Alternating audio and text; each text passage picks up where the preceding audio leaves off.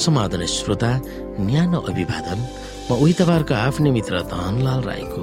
श्रोता आज पनि म तपाईँको बिचमा बाइबल सन्देश लिएर आएको छु। आजको बाइबल सन्देशको शीर्षक रहेको छ युसुफमाथि आक्रमण। श्रोता साथी युसुफका दाजुहरूले उनमाथि जघन्य अपराध गरेपछि के के भयो सोच बुझ्न हामीलाई साह्रो छैन। तपाईँ हामीलाई थाहा भएकै कुरा हो कि यदि हामीले कसैलाई घृणा गर्छौँ हृदयदेखि नै रिसिभी राख्छौँ प्रतिशोधको भावनाहरूमा पौडी खेलिरहेका हुन्छौँ तब त्यसले ढिलो वा चाँडो कुनै न कुनै किसिमको कठिनाइमा हामीलाई पार्नतिर डोर्याउँदछ। युसुफको मामिलाले यसलाई पुष्टि गर्दछ। हामी उत्पत्ति सडतिस अध्यायको बाह्रदेखि छब्बिसलाई हेर्न सक्छौँ। यदि कसैको हृदयमा एसिबी डाहा प्रतिशोधको भावना अरूलाई दबाउने दमन नीति जस्ता खराब तत्त्वहरूले दिमागमा राज गरिरहेको हुन्छ त्यो कतिको खतरनाक र दुष्ट रहेछ भनेर यस अंशले हामीलाई सिकाउँदछ। हामी यहाँनिर बाह्रदेखि हेरौँ। एकपल्ट तिनका दाजुहरू आफ्ना बाबुका बगालहरू सकेममा चराउन गएका थिए। र इसरायलले योसेफलाई भने तेरा दाजुहरू सकेममा भेडाहरू चराइरहेका छन्। आइज म तँलाई उनीहरू कहाँ पठाउँछु। योसेफले भने म तयार छु। इसरायलले तिनलाई भने गएर हेर तेरा दाजुहरू र भेडा बाख्राहरू राम्रै छन् कि छैन? अनि म कहाँ समाचारले? तब इसरायलले तिनलाई हेब्रोनको बेसीबाट सकेममा पठाए। योसेफ त्यहाँ आइपुगेपछि एकजना मानिसले तिनलाई खेतमा डुलिरहेको भेट्टाए। त्यस मानिसले तिनलाई सोध्यो तिमी कसलाई खोज्दैछौ? तिनले भने म मेरा दाजुहरूलाई खोज्दैछु। दया गरी मलाई भन्नुहोस् उनीहरू बगाल कहाँ चलाउँदैछन्? त्यस मानिसले भन्यो उनीहरू त यहाँबाट गए किनभने उनीहरूले हामी दोतानतिर जाउँ भनिरहेका मैले सुनेको थिएँ। यसैले आफ्ना दाजुहरूलाई खोज्दै गएर योसेफले उनीहरूलाई दोतानमा भेट्टाए।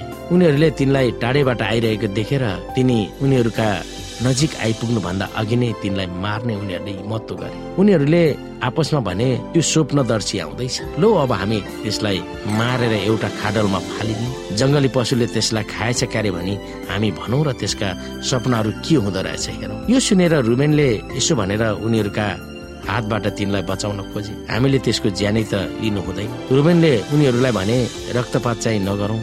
यहाँ मरुभूमिको यस खाल्डोमा त्यसलाई फालिदिउँ। तर त्यसमाथि हात चाहिँ नउठाउ उनीहरूका हातबाट बचाएर योसेफलाई आफ्ना बाबु कहाँ पुर्याइदिने हेतुले रुबेनले यसो भनेका थिए। त्यसैले जब योसेफ आफ्ना दाजुहरू कहाँ आइपुगे तब तिनले लाएका राम्रा बुट्टाहरू भएको त्यो लामो लबेदा उनीहरूले फुकालेर खोसे। अनि उनीहरूले तिनलाई समातेर एउटा गहिरो खाल्डोमा फालिदिए। त्यो पानी नभएको सुक्खा खाल्डो थियो। जसै उनीहरू खान बसे उनीहरूले यसो मासतिर हेरेर मिश्रतिर सुगन्धित मसला लेप र मुर्र उटहरूमा लादेर लगिरहेका गिलातबाट आएको एक इस्माइली यात्री दललाई देखे तब यहुदाले आफ्ना दाजुभाइहरूलाई भने हामीले आफ्नो भाइलाई मारेर त्यसको रगत लुकाएर हामीलाई के फाइदा हुन्छ? आओ अब त्यसलाई इस्माइलीहरूका हातमा बेचिदिउँ। हामी त्यसमाथि हात चाहिँ नउठाउँ किनकि त्यो हाम्रै भाइ हाम्रै जिउ जस्तै। उनका दाजुभाइहरूले उनको कुरा माने। यसकारण जब मिधानी व्यापारीहरू त्यही बाटो भएर तब युसेफका दाजुहरूले तिनलाई खाल्डोबाट तानी निकालेर ती इस्माइलीहरूका हातमा चाँदीका बिस सिक्कामा बेचिदिए। अनि तिनीहरूले युसेफलाई मिश्रमा लगे। जब रुबेन खाल्डोमा फर्के तब युसेफलाई त्यस खाल्डोमा नदेख्दा उनले आफ्ना लुगा च्याते र भाइहरू कहाँ गएर भने केटो त छैन त अब म कहाँ जाउँ? तब उनीहरूले एउटा बोका मारेर युसेफको लबेदा त्यस रगतमा चोपे। त्यो राम्रा बुट्टाहरू भएको लबेदा उनीहरूले आफ्ना बाबु कहाँ ल्याएर भने यो हामीले भेट्टायौँ हेर्नुहोस् त यो तपाईँको छोराको हो कि होइन? इसरायलले त्यो लुगा चिनेर भने यो त मेरो छोराकै लबेदा हो जङ्गली पशुले त्यसलाई खाएछ क्यारे? निसन्देह योसेफलाई धुजा धुजा पार्यो होला। तब याकुबले आफ्ना लुगा च्यातेर तिनले आफ्नो कम्मरमा भाङ्रा लाएर आफ्ना छोराको निम्ति धेरै दिनसम्म शोक गरे। तिनका सबै छोराछोरीहरूले तिनलाई सान्त्वना दिने प्रयत्न गरे तर तिनलाई शान्ति भएन। तिनले भने अह यो मेरो शोकमा नै म मेरो छोरा कहाँ चिहानमा जानेछु।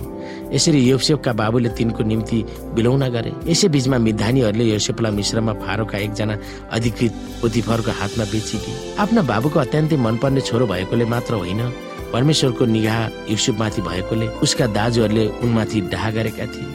परमेश्वरको निगाह उनमाथि कस्तो थियो भन्ने कुरा पछिका घटनाहरूले पुष्टि गर्दछ आफ्ना दाजुहरूको खोजीमा लागेका युसुफले बाटो हराएको थियो अनि एकजना मानिसले उसलाई भेट्छ र उसका दाजुहरू कतातिर गए भनेर उसलाई सुनाउँछ। जब उसका दाजुहरूले उसलाई मार्न षड्यन्त्र गर्छन् तब रुबेनले हस्तक्षेप गरेर उसलाई मार्नेको सट्टा इनारमा फ्याँक्नु भनेर सल्लाह दिन्छ आफ्नै घरमा मानिसप्रति गरिएको यो जघन्य अपराध र घृणा जगाएको कुरा कल्पना पनि गर्न गाह्रो छ। ती युवकहरूले आफ्नै भाइलाई त्यस्तो क्रूरता कसरी देखाउन सक्यो होला?